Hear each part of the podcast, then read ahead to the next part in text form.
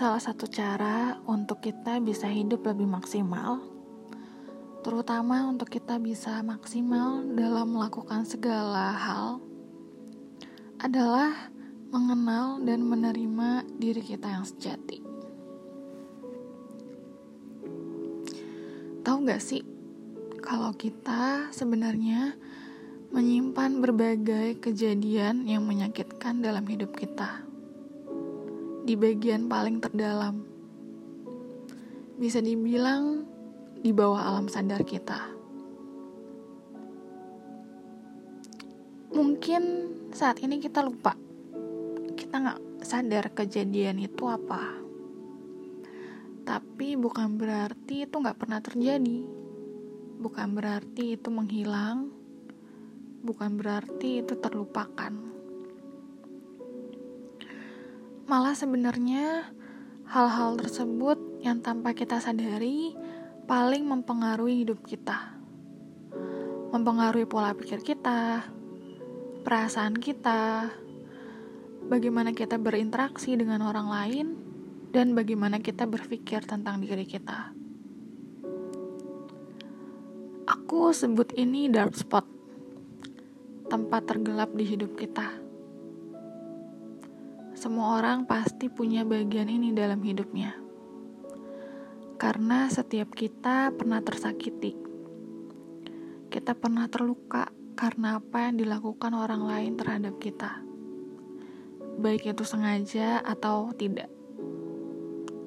Bahkan mungkin kita nggak sadar bahwa kejadian tersebut menyakiti kita. Tapi semua itu telah melukai kita dan meninggalkan bekas yang belum benar-benar sembuh. Yang terkadang kita masih terasa sakitnya. Dark spot menyimpan sejuta kejadian yang menyakitkan. Kita menyimpannya di bawah alam sadar kita karena kita terlalu tersakiti terlalu menyakitkan untuk dibahas atau ditunjukkan. Rasanya lebih baik dilupakan. Biasa itu adalah kejadian-kejadian yang kita alami saat kita masih kecil. Mungkin kita pernah ditinggal orang yang kita sayangi, hubungan keluarga yang gak harmonis, atau ucapan-ucapan yang jahat dan lainnya. Mungkin kita merasa selama ini kita baik-baik aja. Kita udah memaafkan orang-orang yang menyakiti kita. Hubungan kita pun baik-baik aja. Tapi memaafkan bukan berarti melupakan. Luka itu gak pernah hilang. Di saat kita berusaha untuk maju dan berjuang, luka itu selalu ada. Menghalangi kita untuk bisa maju lebih jauh. Akhirnya kita jadinya stuck di tempat yang sama. Kita nggak bisa mengalami breakthrough. Aku pun baru memahami hal ini beberapa waktu terakhir.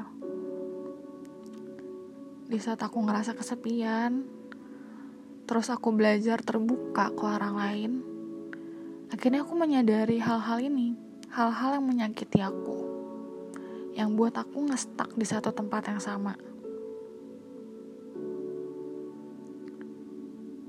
Padahal aku pikir iya, aku udah memaafkan mereka, tapi apa kita udah memaafkan diri kita sendiri? Karena biasanya di saat kita mengingat kejadian-kejadian tersebut, pasti yang kita rasakan bukan kita benci sama orang-orang yang menyakiti kita, tapi malah kita benci diri kita sendiri. Kita malu, kita marah, kita kecewa, sedih, kita mengasihani diri kita. Jadi aku sadar bahwa aku harus menerima dark spot aku ini. bukan tentang aku mengenal diri aku lebih dalam, tapi aku mau menerima diri aku yang sebenarnya. Setiap kejadian dalam hidup kita itu ibarat titik-titik yang terhubung satu sama lain. Dan di saat kejadian itu menghancurkan kita, itu jadi batu sandungan. Itu menutup jalan kita untuk melangkah lebih jauh. Dark spot ini seperti rantai yang mengikat kita. Di saat kita berusaha untuk maju, itu akan semakin sakit.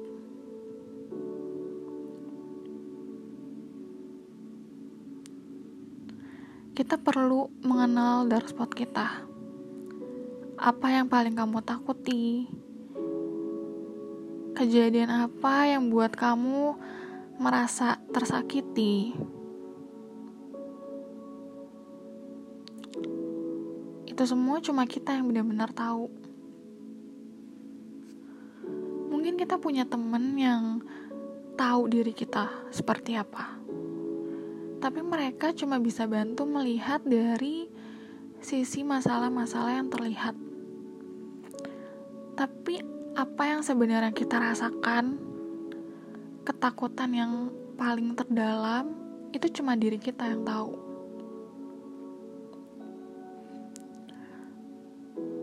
Memang akan susah di saat kita mencari tahu inti permasalahan hidup kita ini apa. Karena kita harus berurusan lagi dengan kejadian-kejadian yang menyakitkan itu kita bisa nangis tiap malam karena mengingat hal-hal itu. Tapi ya itu caranya untuk kita bisa bebas. Untuk kita bisa terlepas dari ikatan rantai dark spot ini. Masalah apa yang kita lihat dan apa yang kita rasakan saat ini sebenarnya bukan inti masalahnya. Semua terbentuk karena tumpukan yang ada di dark spot. Jujur aku ribet dan kayak bingung juga gimana ngejelasinnya. Karena pas aku belajar dan aku memahami hal ini aku juga kayak ngerasa apaan sih ribet banget. Padahal permasalahan itu kayak simpel gitu. Tapi sebenarnya itu kayak cuma anak-anak masalah doang gitu inti masalahnya kita yang harus cari tahu aku kasih contoh Contoh, kita bingung mempertanyakan apakah harus stay di Indo atau pergi ke luar negeri. Sebenarnya masalahnya hanya untuk oke okay, aku mau pergi atau enggak. Mungkin kamu udah ngelis, oh aku kalau misalkan stay, aku akan ngelakuin ini ini ini. Kalau misalkan aku di luar negeri, aku akan ngelakuin ini ini ini. Permasalahannya cuma itu dan terlihat simple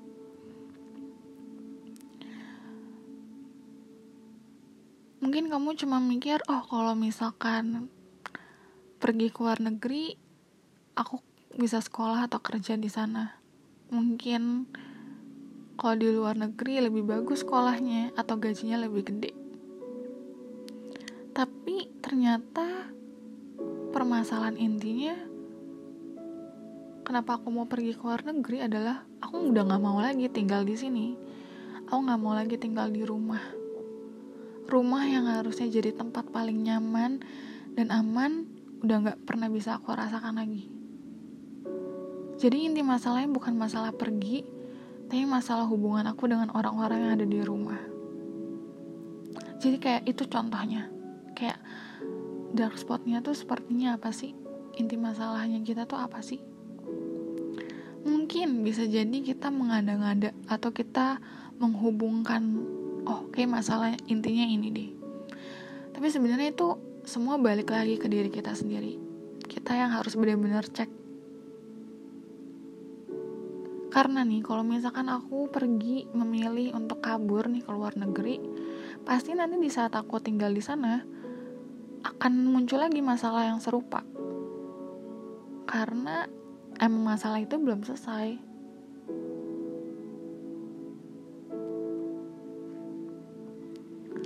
Semua pada akhirnya untuk diri kita kok. Di saat kita tahu apa yang paling kita takuti apa yang paling menyakiti kita ya kita harus terima itu. Kita harus jujur sama diri kita sendiri kita harus menerima bahwa iya aku pernah melewati mengalami kejadian-kejadian yang menyakitkan. Itu semua udah terjadi dan aku tersakiti aku terluka karena itu. Waktu kita udah terima itu aku yakin banget kita pasti ngalamin breakthrough. Kita pasti ngalamin pemulihan. Pola pikir kita berubah. Bukan cuma gimana cara kita ngelihat keadaan atau gimana cara kita melihat orang lain tapi kita juga berubah melihat diri kita sendiri kita punya kacamata yang beda. Kita belajar untuk mencintai diri kita lebih baik. Kita belajar untuk menghargai diri kita. Gak terlalu keras sama diri kita. Tahu batasannya apa aja. Pada akhirnya, kita akan merasa lebih lega, lebih bebas. Udah gak ada halangan atau rantai yang mengikat kita. Akhirnya kita bisa maju kita bisa naik level di hidup kita.